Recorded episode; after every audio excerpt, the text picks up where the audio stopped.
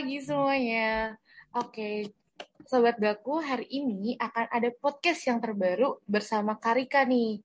Nah, sebelumnya nih, uh, aku bakal ngasih spill-spill dikit tentang apa yang bakal aku sama Karika bahas nih, yaitu tentang self-love. Nah, teman-teman udah tahu belum sih self-love itu apa? Pasti belum tahu kan? Nah, karena belum tahu, aku ajak dulu kenalan sama narasumber kita, Karika. Halo, selamat pagi Karika. Halo, selamat pagi Ayu. Wah, pagi ini ya ceria sekali ya kayaknya nih. Hai. Harus tetap semangat dong Kak, karena hari ini tuh aku penasaran banget sih tentang self love ini nih. Mungkin banyak teman-teman atau aku sendiri nih kurang tahu nih self love itu apa. Sebenarnya nih Kak, menurut Kakak self love itu apa sih? Boleh okay. dijelasin dong. Oke, okay, sebelumnya halo uh, sahabat aku semua. Nah, di sini uh, kita bakal ngebahas tentang self love. Nah, mungkin sebagian orang udah pada tahu gitu ya arti dari self love itu apa. Kalau diartiin self love itu adalah mencintai diri sendiri gitu, mencintai diri kita sendiri. Nah, dalam konteks di sini mencintai di sini yaitu sebuah kemampuan, kemampuan kita untuk berdamai dengan segala kelemahan kita, tapi bukan cuma itu, kita juga harus mengimbanginya dengan keterampilan untuk mensyukuri dan memanfaatkan kelebihan kita dengan bijak. Jadi, self love di sini arti dalam mencintai diri sendiri adalah mensyukuri segala kekurangan kita dan juga kita bisa memanfaatkan kelebihan yang kita punya. Oh, oke okay, Kak. Berarti intinya self love itu bagaimana cara kita mencintai diri kita sendiri. Nah, penting banget nggak sih Kak self love itu menurut Kakak? Uh, kalau menurut aku sih self love itu sangat penting banget gitu ya buat diri kita gitu. Karena banyak orang di luar sana gitu yang udah mulai kasus banyak kasus-kasus gitu yang um, dia itu kayak membe bukan membenci juga sih ya membenci diri sendiri kayak terus kita, nanti jatuhnya ke self harm atau ke menyakiti diri sendiri. Nah, self love di sini itu penting banget agar kita uh, bisa yang pertama mendapatkan kepuasan diri.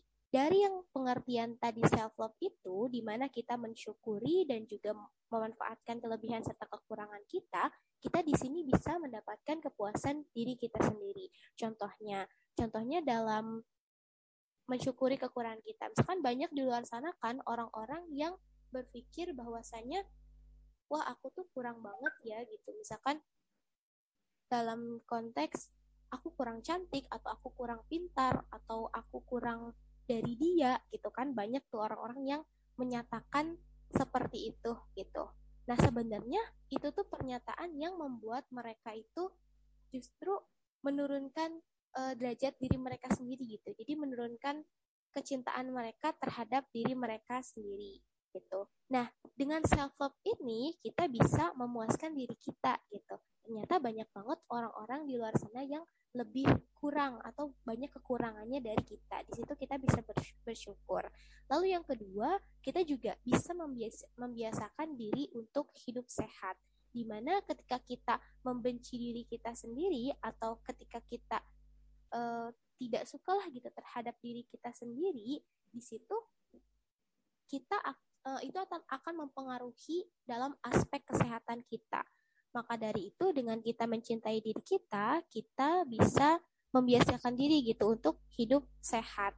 Kita bisa mengatur dan kita bisa memanage hidup sehat kita. Lalu yang ketiga itu kita bisa meningkatkan uh, self esteem dalam diri kita self esteem di sini yaitu cara seseorang untuk memandang dan menerima diri sendiri dan uh, serta dia percaya diri. Jadi dengan self love itu kita bisa meningkatkan tingkat kepercayaan diri kita gitu. Karena kan di luar sana itu banyak banget tuh orang-orang yang uh, dengan contoh yang tadi yang saya tidak cantik atau saya tidak pintar itu mereka menjadi tidak percaya diri gitu. Nah, dengan self love, dengan kita mencintai diri kita sendiri, maka kita bisa menjadikan percaya diri kita itu lebih meningkat gitu yuk.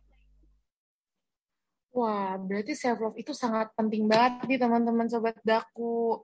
Nah, kak nih, kak pernah nggak sih mengalami yang namanya menghakimi diri sendiri? Atau aku tuh nggak pantas deh kayak gini, kayak aku pantas hidup atau uh, kayak merasa diri kita tuh nggak sebanding dengan orang-orang lain yang ada di sekitar kita. Kayak misalnya ngerasa aduh dia pinter banget ya kok aku enggak ih kok dia cantik? Aku enggak akhirnya merasa diri kita tuh kurang gitu kak. Pernah nggak sih kak kalau aku tuh pernah gitu dan aku tuh kayak mengalami itu kayak sakit tapi gimana ya?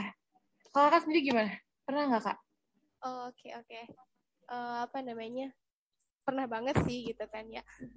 Dari apa namanya dari segi kita tidak bisa uh, merasa gitu merasa diri kita tidak pantas gitu. Terus juga kayak menghakimi diri kita sendiri itu aku pernah banget gitu ngalamin itu mungkin aku agak mau ceri sedikit cerita ya Yu ya gitu mengenai pengalaman aku gitu boleh banget dong kak coba kak nah pada saat itu tuh uh, aku tuh kayak nggak ada satu kejadian di mana aku nggak bisa mencapai harapan atau keinginan aku gitu. Nah di sini contohnya dalam konteks kita mendapatkan uh, karena di sini aku sebagai mahasiswa gitu kan. Nah dalam hal aku nggak bisa mendapatkan keinginan aku untuk mencapai nilai yang aku mau gitu. Di situ aku ngerasa kayak kok aku bodoh banget gitu. Kok aku nggak bisa ya memanfaatkan waktu aku untuk mencapai harapan dengan harapan nilai aku itu gitu atau keinginan nilai aku itu gitu. Nah di situ aku hampir kayak menghakimi diri sendiri gitu. Kayak aku bodoh banget, terus aku uh, gak bisa manage waktu, terus pokoknya semua hal-hal yang gak bisa, hal-hal yang buruk itu rasanya tuh ada dalam diri aku semua gitu pada saat itu gitu. Dan aku menghakimi diri aku seperti itu kayak gitu. Lalu yang kedua juga aku pernah gitu ngalamin pada saat e, karena di situ aku kan posisi aku itu ditunjuk sebagai pemimpin lah leader gitu sebagai ketua gitu nah pada saat aku menjalani kepemimpinan aku atau aku menjadi leader itu nah di situ aku ngerasa nggak pantas gitu. Jadi kok orang-orang lebih hebat dari aku ya? Aku yang leader aja tuh nggak sehebat mereka. Nah di situ aku ngelihat intinya kayak aku ngelihat orang lain tuh lebih hebat dari uh, aku gitu. Jadi posisi aku sebagai leader itu merasa tidak pantas gitulah aku ada di posisi tersebut gitu. Nah dari dua pengalaman itu tapi aku bisa menyimpulkan gitu. Dan aku yang baru aku rasa itu sekarang yuk jadi dari dua pengalaman itu tuh aku ngerasa oh ternyata kegagalan yang dulu itu ternyata bisa menjadi pelajaran ya buat aku sekarang dengan aku mencintai diri aku sekarang gitu. Jadi baru kerasanya tuh sekarang gitu. Kayak aku uh, ternyata aku nggak sebodoh itu ternyata aku nggak se apa ya jadi ternyata aku nggak aku bisa gitu melewati semuanya dengan cara aku sendiri gitu jadi gitu yuk banyak banget pokoknya selain itu juga banyak banget sih pengalaman-pengalaman aku yang aku ngerasa nggak pantas terhadap sesuatu itu. Tapi di sini aku mencoba untuk menerima yang tadi, yang aku mensyukuri segala kekurangan aku dan aku juga ke depannya itu lebih uh, memanfaatkan gitu. Apa sih kelebihan-kelebihan yang aku punya dan sampai uh, apa ke titik sekarang aku ini seperti ini kayak gitu yo. Wah, keren banget tuh. Dari yang tadinya nggak bisa menerima dan menghakimi diri sendiri, tuh kakak akhirnya bisa, akhirnya akhirnya kakak bisa yang namanya self love, yaitu mencintai diri kakak sendiri dan bersyukur dengan apa yang kakak miliki. Nah, mungkin nih uh, sobat daku di di mana pun ini pasti masih bertanya-tanya, gimana sih caranya, tipsnya biar bisa kayak kakak nih, akhirnya bisa mencintai diri kakak dan menerima diri kakak apa adanya boleh nggak sih kak kasih tips-tips dikit nih, spill-spill dikit gimana cara kakak biar kakak bisa menumbuhkan rasa self love di dalam diri kakak sendiri nih.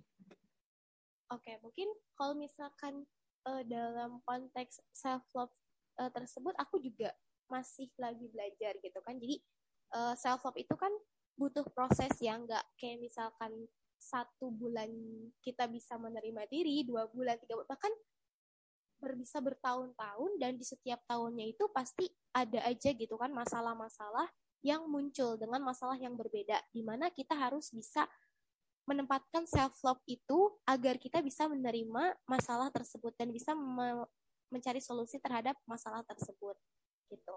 Nah, aku mau berbagi tips juga nih buat uh, sobat daku yang mendengarkan podcast ini gitu. Tips untuk self love ala aku ya gitu. Yang pertama itu kita harus mulai menanamkan uh, hal positif dalam diri kita sendiri gitu. Apa sih hal positif itu? Kayak contohnya kita menghilangkan rasa gelisah, terus berhenti menyalahkan diri sendiri. Jadi uh, menilai positif terhadap orang lain itu bukan suatu hal yang buruk gitu.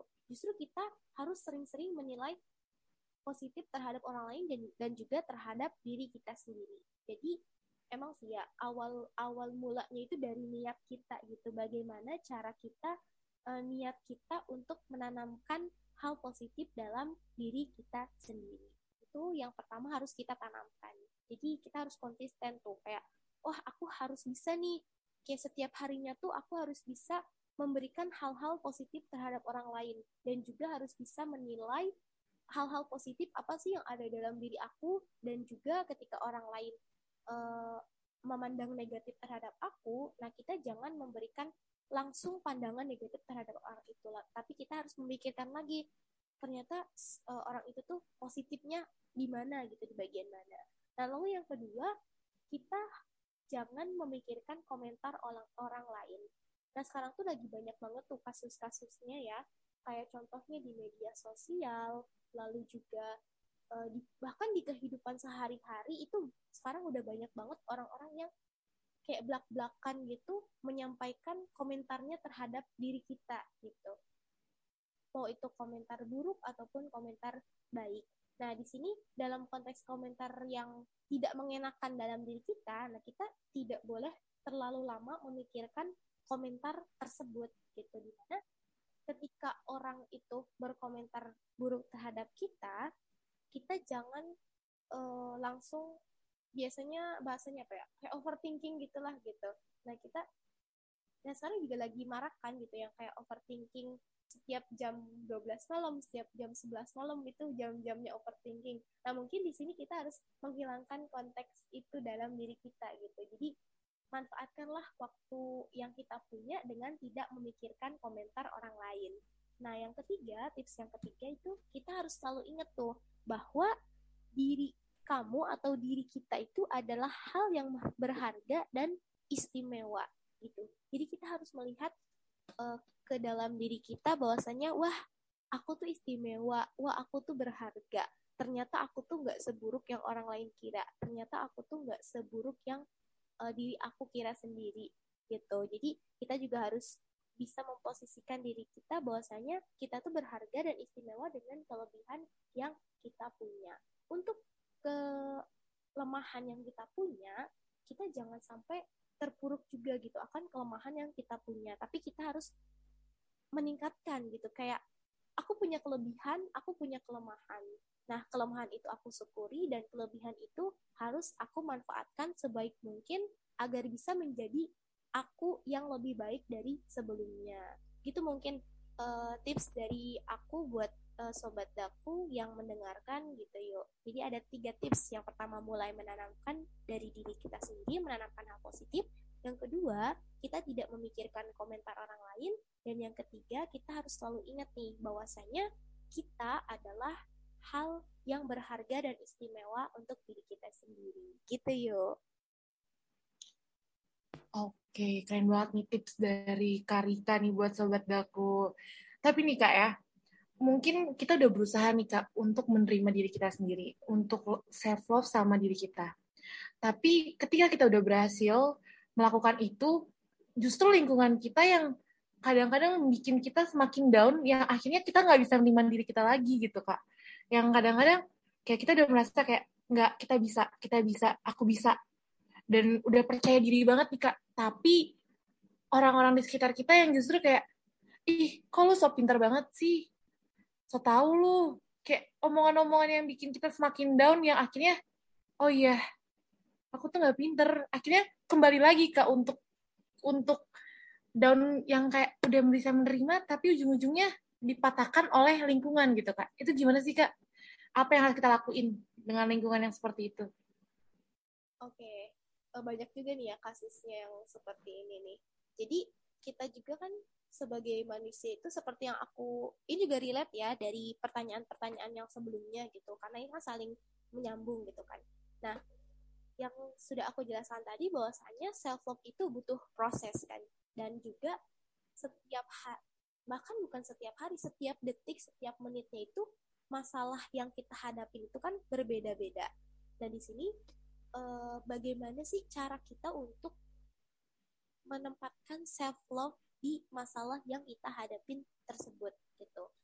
Nah, di sini kan banyak banget tuh kayak tadi yang uh, mungkin sobat aku juga pernah ngerasain gitu yang tadi Ayu tanyakan bahwasanya kita udah berusaha self love nih, tapi kenapa sih selalu aja uh, ada gitu hal-hal yang mendiktasi kita gitu bahwasanya kamu tuh gagal gitu, kamu nggak bisa self love, kamu membenci diri kamu lagi gitu. Nah di sini tuh everything tuh butuh proses gitu kan butuh waktu yang lama gitu dan uh, mungkin dalam konteks ini kita juga harus bisa tadi ya menempatkan self love kita atau menempatkan cara kita mencintai diri kita itu sesuai pada tempatnya. Contohnya misalkan kayak hari ini kita mendapatkan satu masalah. Satu masalah di mana uh, contoh masalahnya itu kayak banyak orang yang berkomentar buruk terhadap kita gitu. Nah di situ kita otomatis menempatkan self love kita kan gitu. Menempatkan self love kita yaitu dengan uh, ya udahlah gitu kita melihat aja lah kita lihat aja lah gitu kelebihan diri kita apa gitu. Jadi udah jangan mikirin uh, komentar orang lain gitu. Dan di sini juga kita harus menghilangkan rasa egois kita gitu serta keras kepala kita terhadap apa yang kita mau gitu. Contohnya kayak setiap harinya itu jadi setiap harinya itu kita kan pasti punya keinginan kita punya harapan tapi di sini harapan itu tuh jangan semuanya uh, gimana ya konteksnya? Jadi kita jangan memprioritaskan keinginan di atas keinginan kita di atas keinginan orang lain gitu. Contohnya kayak kita punya keinginan lalu kita menghancurkan bukan menghancurkan juga ya kayak me, mengalahkan orang lain demi keinginan kita. Itu kan masuknya egois ya gitu. Jadi mungkin untuk dalam konteks ini dalam self love ini prosesnya itu sangat panjang banget gitu di mana bener banget kata Ayu tadi di mana ada saatnya kita ngerasa gitu kita ngerasa ngebenci diri kita lagi gitu dan kita ngerasa gagal dalam self love nah caranya gimana nih agar kita bangkit lagi. Kita tanamkan lagi tuh tips-tips yang mungkin bisa kita terapkan dalam diri kita. Jadi tips yang contoh tips yang tadi aku katain itu kita harus bisa menerapkannya setiap hari dalam kehidupan kita gitu. Dan ketika kita ngerasa gagal dalam self love, kita bangun lagi tips tersebut gitu yuk. Jadi kayak kita harus konsistensi lah, harus konsisten dalam menjalani self love itu gitu yuk. Mungkin kalau misalkan dari aku gitu ya oke okay. teman-teman sobat aku mungkin bisa denger nih ya tadi gimana sih kalau misalnya kalian menghadapi lingkungan yang bisa dibilang toksik gitu untuk kalian yang udah berhasil self love selamat dan semoga kalian tetap bisa mempertahankan self love kalian. Nah, tadi nih Karika kan sempat ngomong nih egois gitu. Nah, sebenarnya apa sih perbedaan self love sama egois sendiri? menurut Kak?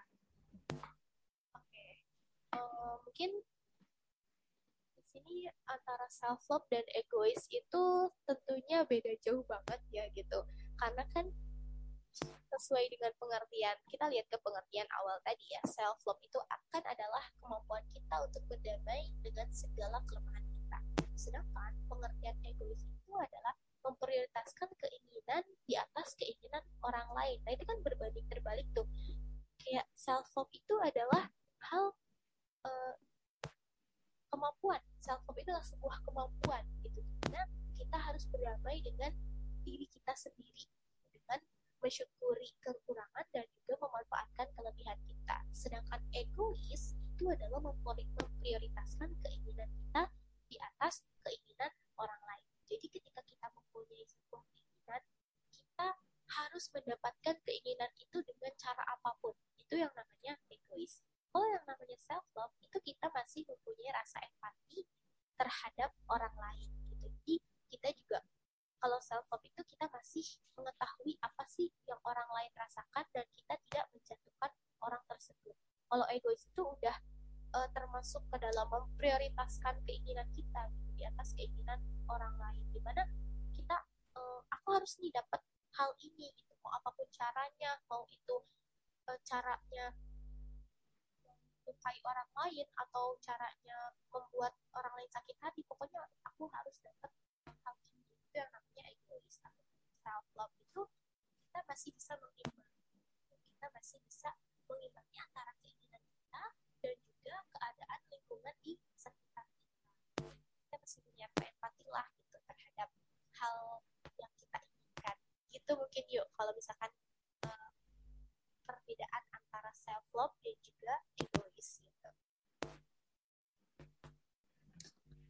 Terima kasih nih buat Karika yang udah bagi-bagi informasi baru nih tentang self love dan juga udah kasih tips dan cara-cara buat kita sobat daku di rumah dan buat aku sendiri nih gimana caranya untuk menerapkan self love pada diri kita sendiri dan bagaimana sih cara kita menghadapi lingkungan-lingkungan yang toksik dan juga uh, seberapa pentingnya self love buat teman-teman.